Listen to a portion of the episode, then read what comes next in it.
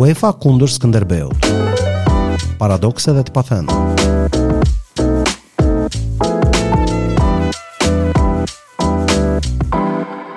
Mirë se erdhët në episodin e 10 të këtij podcasti dhe si gjithmonë i ftuari yni i zakonshëm Brendon Salih. Mirë se erdhe Brendon. Mirë se ju gjeta. Siç e paralajmëruam në fundin e episodit të shkuar, tashmë hyjmë në pjesën më të rëndësishme të këtij podcasti, sepse e, do të fillojmë të analizojmë, të komentojmë dënimin 10 vjeçar të klubit nga UEFA. Brendon një përmbledhje të shkurtër për ngjarjet që i paraprijnë këtij dënimi.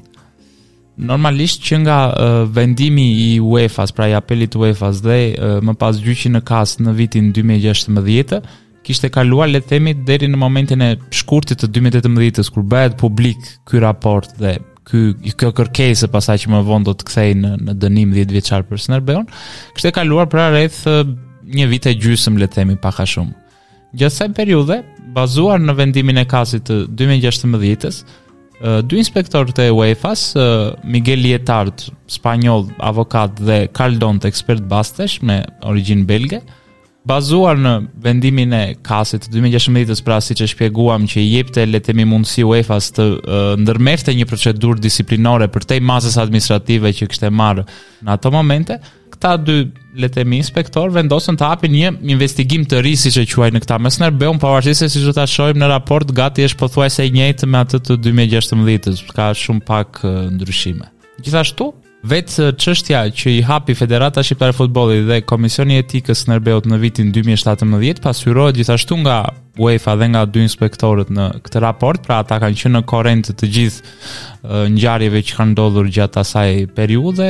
të gjyqit, të vendimit të arsyetuar dhe të gjithë le të themi elementëve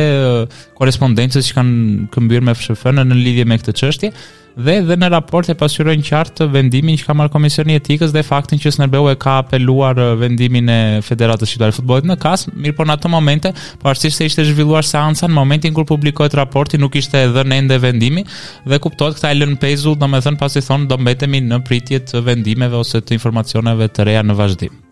Gjithashtu, mund të përmendim le të themi për ta vënë paksa në kontekst publikimin e apo bërjen e ditur të këtij raporti në publik, Jemi në periudhën e janarit, le të themi ose dimrit, janarit, shkurtit të 2018-s, kur klubi pasi kishte mbyllur fazën e grupeve për herën e dytë në histori në dhjetor në grupet e Europa Ligës, kishte vënë kampionatin le të themi drejt sigurimit deri diku jo matematikor, po me një distancë mbi 10 pikë me rivalin e vendit dytë që ishte Flamurtari në atë moment në mos gaboj. Dhe ndërkohë në aspektin sportiv kishte filluar fushata zgjedhore pasi në ato momente do të zhvillohej asambleja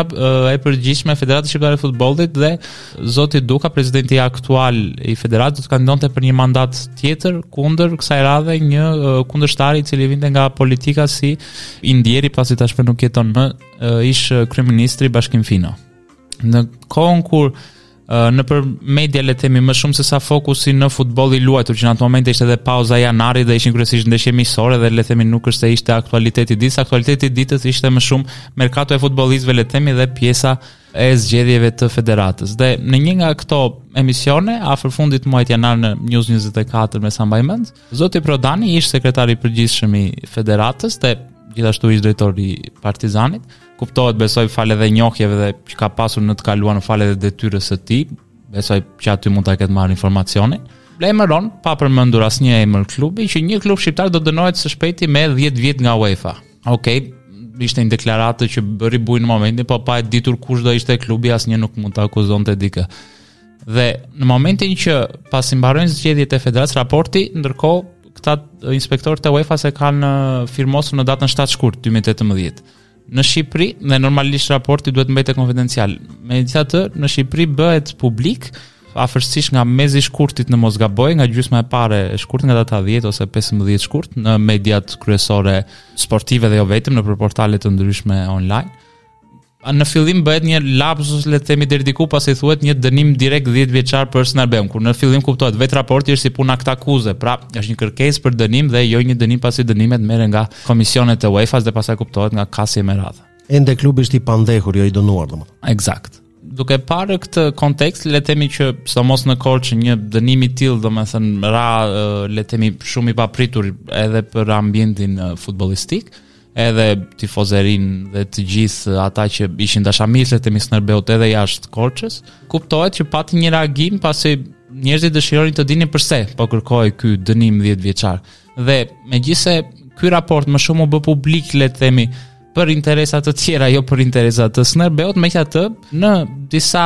emisione televizive në Radio Televizionin e Korçës u përpoqën Duke u analizuar përmbajtja e këtij raporti nga dy avokatë vendas në disa emisione me sa mbaj mend atë vit në shkurt të 2018-s, edhe nga ato elemente që iu prezantuan publikut në ato momente, dukej qartë që kishte një raport le të themi më shumë uh, paragjykues, le të themi me akuza, me dyshime, sesa me prova dhe me fakte e, uh, reale. Dhe e gjithë kjo shkaktoi një indinjatë të madhe edhe tek qytetaria korçare në ato momente dhe u organizua një manifestim goxha i madh ku u firmos madje edhe një peticion që arriti gati mbi 10000 firma, e cila kuptohet iu drejtua presidentit të UEFA-s Aleksandër Ceferin pasi në ato momente Përveç çështjes së dënimit, u bë publik edhe një çështje tjetër po aq e rëndësishme dhe që do të influenconte më pas edhe tek dënimi, siç ishte kërcënimi ose pretendimi nga UEFA që dy inspektorë të saj ishin kërcënuar, le të themi me jetë dhe sipas tyre ishin kërcënuar nga Skënderbeu. Megjithatë, sipas meje është alogjike që një i pandehur, le të themi në këtë rast, siç është edhe një klub futbolli si Skënderbeu, të dojë, le të themi të kërcënojë apo të shantazhojë një institucion prokurorie gjykata apo në këtë rast siç është UEFA pra organizmi më i lartë i futbollit europian duke pasur parasysh edhe kush është Skënderbeu dhe kush është UEFA në raportet financiare, ekonomike, politike etj etj, domethënë fuqia nuk është e njëjtë midis të dy kundërshtarëve le t'i quajmë kështu.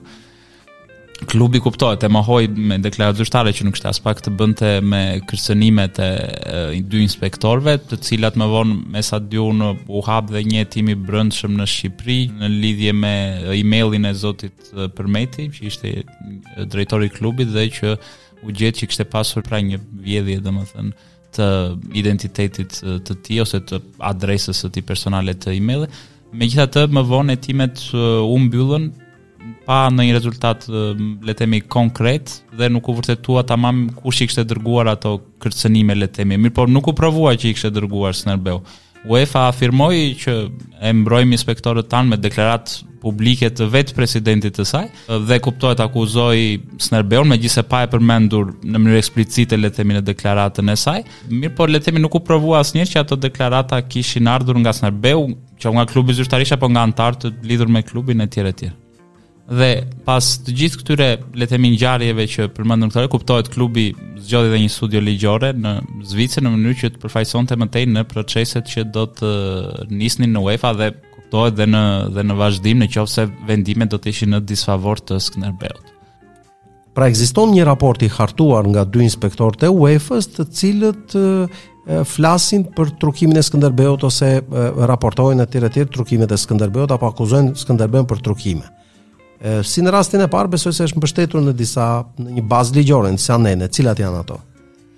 siç e pamë pra baza e nisjes së këtij raporti është vendimi i 2016 të CAS-it që e analizuam edhe në episodet e këtij podcasti dhe bazuar në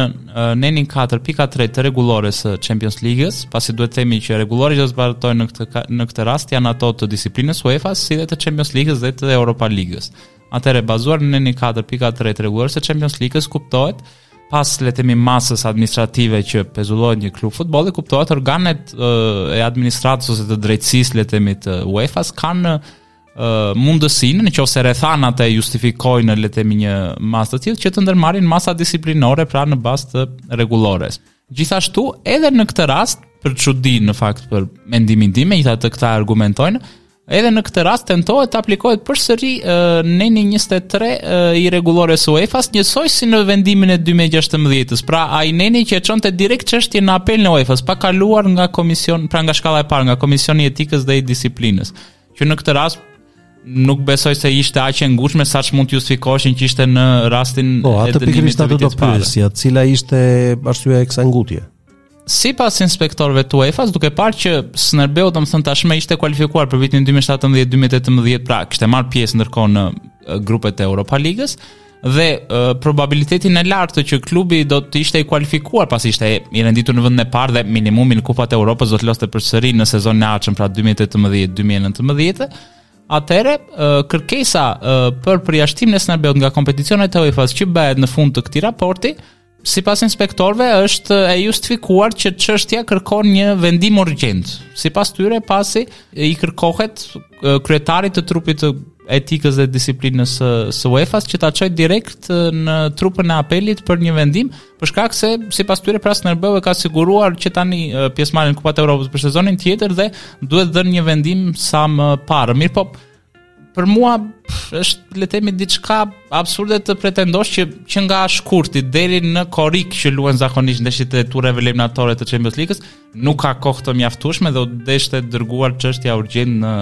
apelin e UEFA-s. Megjithatë, siç do ta shohim më pas, çështja do kalojë nga shkalla e parë sepse jam i bindur që një çështje e kësaj rëndësie në aspektin disiplinor, në qoftë se kalonte direkt në apel, mund t'i kthehej kundër UEFA-s në aspektin procedural, ndoshta mund të humbiste mund të rrezikonte se atë nuk e dimë a do ta humbiste apo jo gjyqin, po mund ta rrezikonte dhe më pas do ta shohim që çështja do të gjykohet në shkallën e parë, nuk do të shkojë direkt në apel, pavarësisht se këta dy inspektorët e kanë bërë kërkesën njësoj si herën e parë. Dhe uh, për të përmendur më saktësisht cilat janë nenet le të themi apo uh, Pikat e rregullores së disiplinës së UEFA-s ku bazohen këta për të kërkuar dënimin e Skënderbeut janë më konkretisht neni 8 i rregullores së disiplinës dhe neni 12. Dhe tani ta shohim në mënyrë të përmbledhur shkurtimisht se çfarë thotë secili prej këtyre dy neneve që përmenden në këtë raport.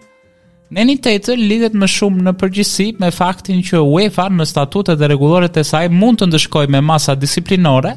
qoftë federata, qoftë klube, qoftë pra anëtarë të saj lojtarë apo edhe tifozë, në rastet le të themi kur ka një shkelje të caktuar të rregullores pra jo vetëm në rastet e trukimit të ndeshjeve, po edhe për raste të tjera në përgjithësi.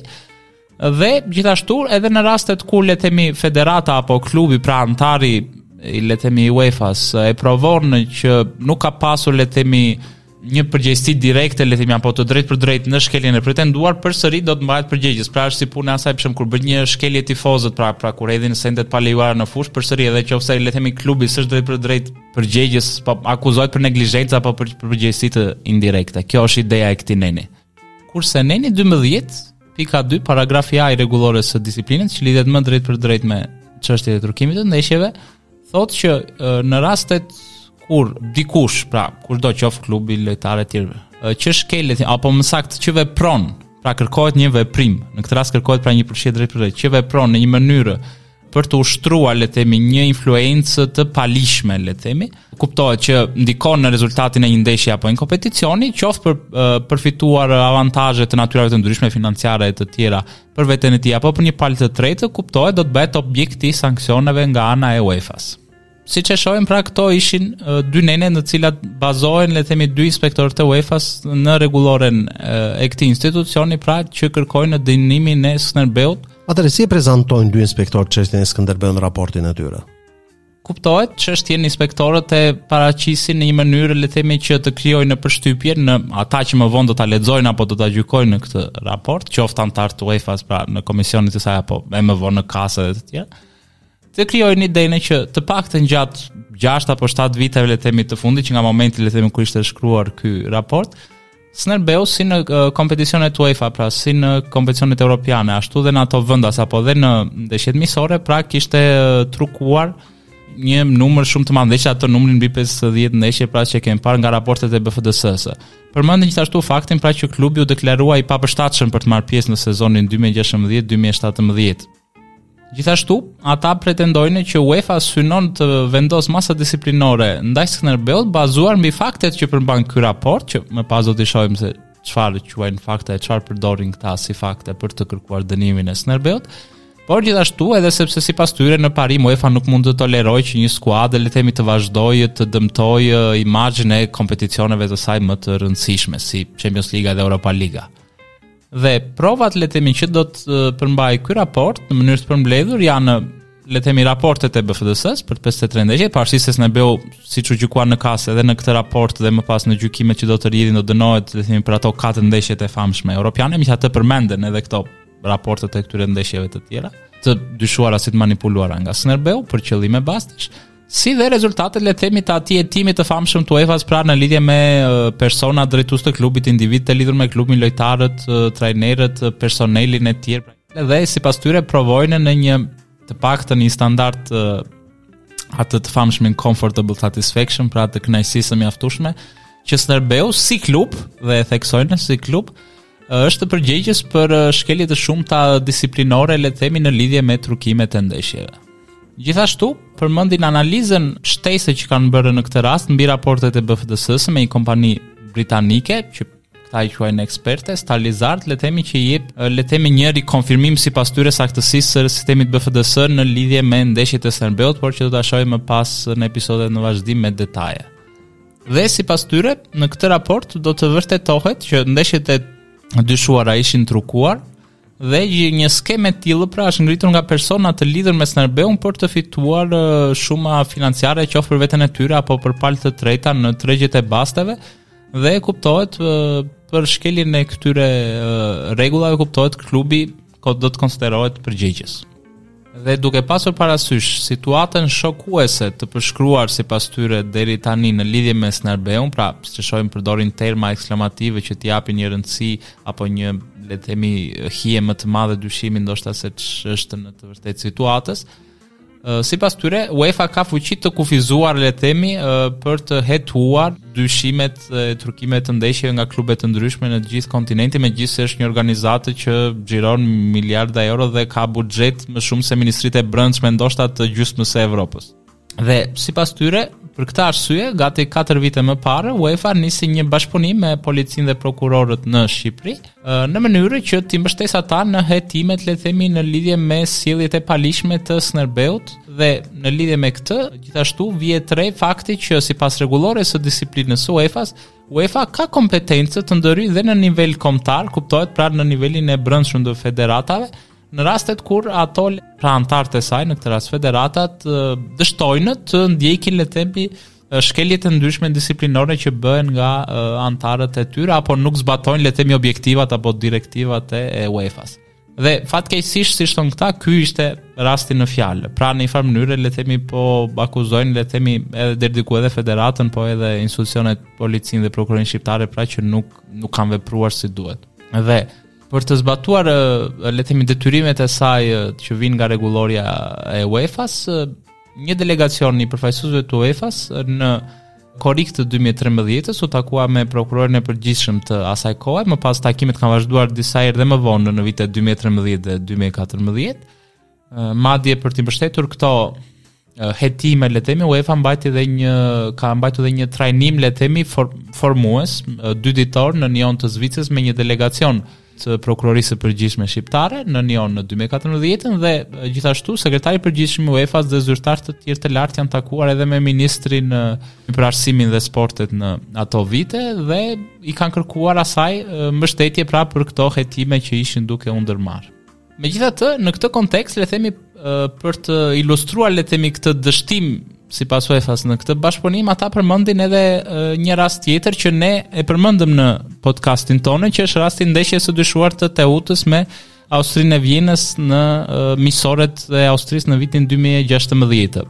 Sipas UEFA-s, falë bashkëpunimit të shkëlqyer, siç e konsiderojnë ata midis policisë austriake dhe vetë UEFA-s, UEFA është informuar se policia austriake ka pasur vështirësi kur ka hetuar tentativën e manipulimit të ndeshjes miqësore të klubit shqiptar Teuta, ku konstatuan që hetimet e mëtejshme në Shqipëri nuk do të ishin rezultative ose nuk do të çonin në ndonjë konkluzion konkret, për shkak se uh, subjektet e dyshuar, pra në këtë rast uh, anëtarët e klubit Teuta, ishin informuar për hetimet nga policia shqiptare dhe raporti final i policisë austriake në këtë çështje konkludonte që këto pra hetime të mëtejshme në Shqipëri nuk do të le të themi do të jenë rezultative, Pasi të akuzuarit ishin informuar për hetimet fillestare nga shefi i policisë së Durrësit, po këta e kanë në thonjza se nuk e dinë kush i ka informuar, po thonë dikush ndoshta nga policia e Durrësit.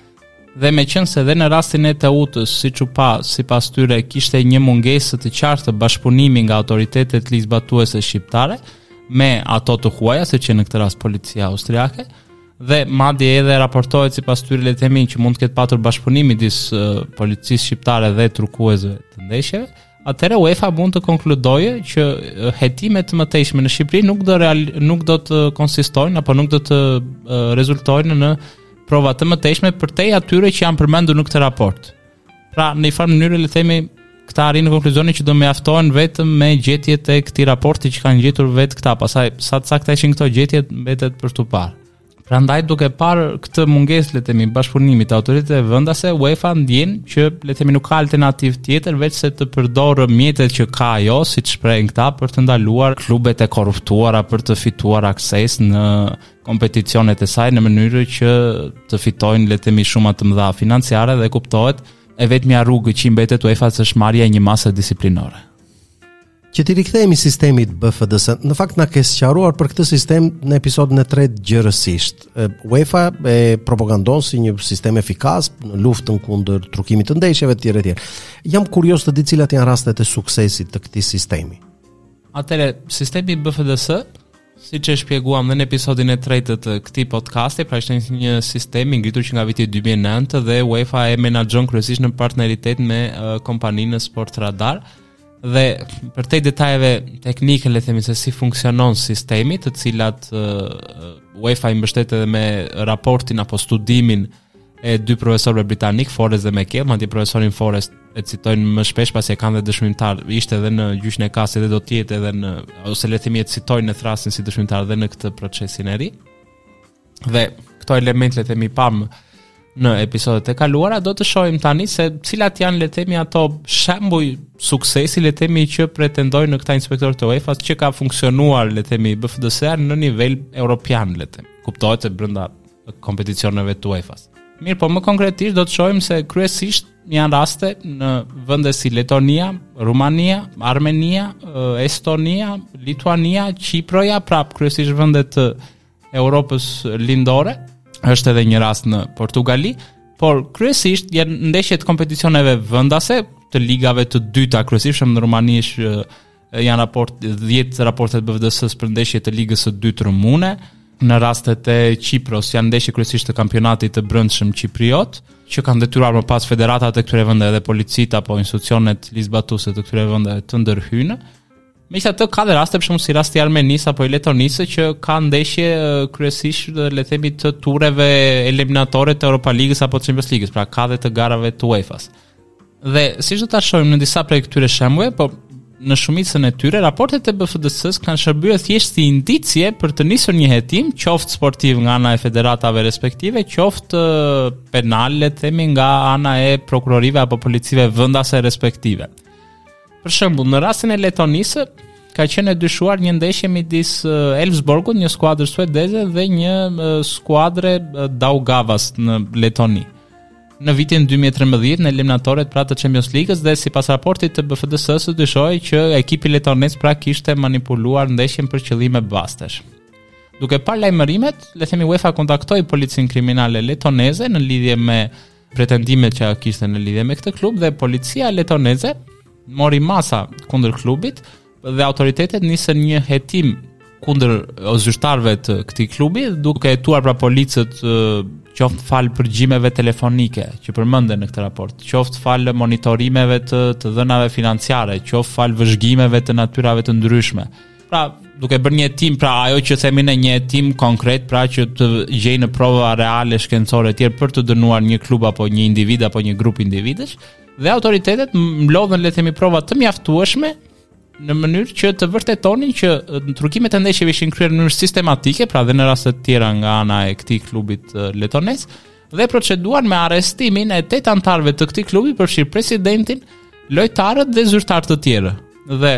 sipas kreut të policisë uh, kriminale letoneze në ato vite, pra në vitin 2013, gjithë hetimet ishin kompletuar dhe akuzat uh, do të uh, le të themi do të kryeshin më pas pra procesi të ndiqej nga prokuroria, megjithatë më pas nuk përmendin se si kanë lidhur këto akuzat, se nuk e dimë mund të ketë rezultuar dhe në fund të pafajshëm dhe këta persona mund të jenë liruar. Po UEFA e përmend le të themi një si një shembul bashkëpunimi suksesi me policinë letoneze. Megjithatë pra siç e shohim, është bërë një hetim konkret. Pra, siç e pamë me prova, me përgjime telefonike, ashtu siç normalisht, le të themi duhet të funksionojë në çdo procedurë normale, në lidhje, jo vetëm me trukimet e ndeshjeve, po në çdo rast tjetër. Pasi në fund të fundit, pavarësisht se UEFA thotë trukimet e ndeshjeve janë vepër sportive në kuptimin brenda kompeticioneve, qoftë kombëtare apo ndërkombëtare, po në kodet penale të gati shumicës besoj unë të vendeve europiane, me ndonjë përjashtim të rrallë, besoj qoftë se nuk është diku. Janë pjesë e kodit penal, pra ndëshkohen me masa administrative me gjobë deri në disa vite burg, varion pastaj nga shteti në shtet, po që nuk mund prandaj dhe insistoj në faktin që edhe në rastin e Skënderbeut nuk mund të zbatoheshin thjesht këto parime le të themi të comfortable satisfaction. Pra qoftë se ti je i pakënaqur në lidhje me bashkëpunimin apo me paaftësinë apo me korrupsionin e uh, institucioneve shqiptare, Megjithatë je një organizatë aq e tillë sa ke shumëfishin e një buxheti si Ministria e Brendshme e Shqipërisë bashkë me gjithë institucionet e saj të, të drejtësisë dhe në vend le të themi të ngresh duart lart dhe të dorëzohesh para këtyre rasteve ti bie shkurt duke dënuar thjesht një klub pa provuar përfshirjen e individëve dhe duke lënë në një farë mënyrë dhe në qoftë se do ishte le të themi i vërtetë trukimi i ndeshjes, i bie që nuk ke dënuar fajtorët, sepse në fund fundit klubi është stema, është ndërtesa, është stadiumi, është godina, është historia, le të themi, nuk nuk kanë trukuar shkallët e stadiumit, kanë trukuar njerëzit, prej mishi dhe prej gjaku. Dhe në vend se të ngrejë këtë, sugjerimi im do të ishte që UEFA nga ato miliardat e eurove që xhiron të harxhojë disa milionë euro më shumë në burime njerëzore, në burime hetimore, se jam i bindur që i ka aq mjaftueshëm burime dhe njerëzore dhe financiare sa të kryejë hetime më më serioze dhe më cilësore dhe më profesionale se ky që kanë bërë në këtë rast. apo në rastin që mund të përmendim gjithashtu të ndeshjes në Armeni ku janë ndëshkuar le të themi në ndeshje midis Inter Turkut dhe Vikingurit në Europa Ligën ku përveç sanksioneve le të themi që iu bënë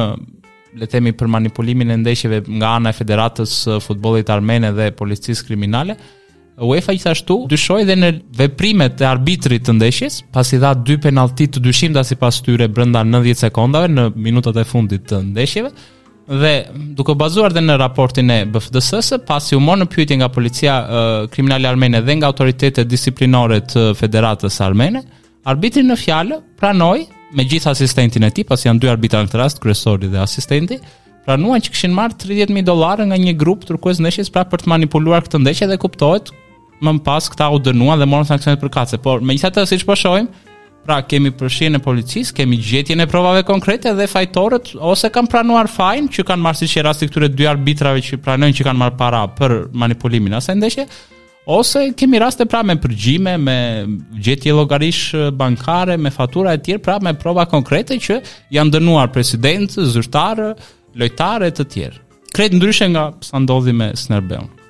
Dhe në rastin e Qipros, në nëntor të 2016-s, pra në qoftë se shohim pak a shumë është dhe momenti kur del dhe publik vendimi i parë i CAS-it në lidhje me Skënderbeun me masat administrative, Federata e Futbollit të Qipros, që është një vend që gjithashtu ka pasur problematika me në lidhje me trukimet e ndeshjeve, edhe në lidhje me ndeshjet miqësore që një sërë klubesh zhvillonin në Qipër. Sipas UEFA-s, federata për të marrë le të themi një masë drastike për të ulur trukimet e ndeshjeve ose për t'i ndaluar pasi për t'i eliminuar tërësisht 100% gati është e pamundur si për çdo fenomen tjetër të paligjshëm në botë,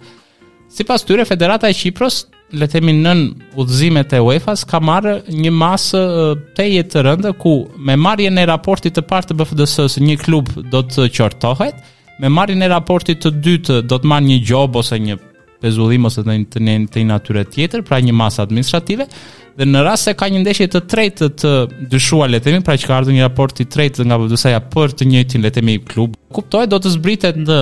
një kategori më poshtë dhe në rast se ka një ndeshje të katërt të eskaluar, atëherë do të përjashtohet nga kompeticionet vendase qipriote, ai klub apo ai zyrtar për 5 vite të ardhshme.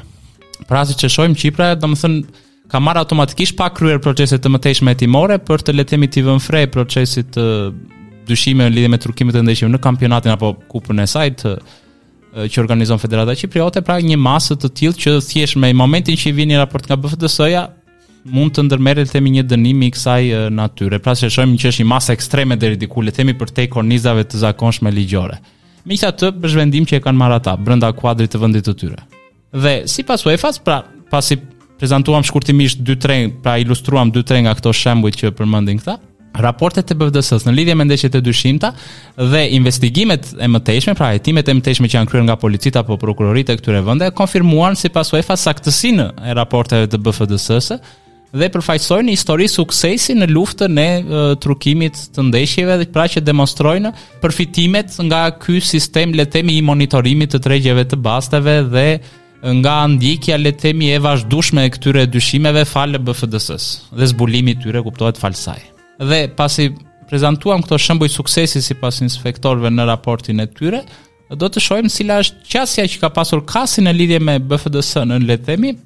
jo vetëm në rastin e Skënderbeut, por edhe në raste të mëparshme që e japin në mënyrë të përmbledhur, pra duke cituar pjesë nga vendime të mëparshme të CAS-it në lidhje me dënimet e klubeve të tjera qoftë në nivel vendas apo qoftë dhe në nivel ndërkombëtar. Dhe sipas tyre, CAS-i e ka vlerësuar ose e ka aprovuar le të themi besueshmërinë e BFDS-së në lidhje me zbulimin e trukimeve të ndeshjeve, qoftë në rastin e një ekipi lituanez Pakruojis, që në këtë rast u dënua nga Federata Lituaneze, pra nga organet e brendshme disiplinore të asaj federate, ë Dhe sipas tyre, Komisioni i Apelit i asaj federate bazuar mbi raportet e BFDS-së dhe konkluzionet e tyre, konfirmoi që këto raporte le të themi i lejuan të zbulojnë uh, anomalitë e pashpjegueshme të basteve të këtij klubi dhe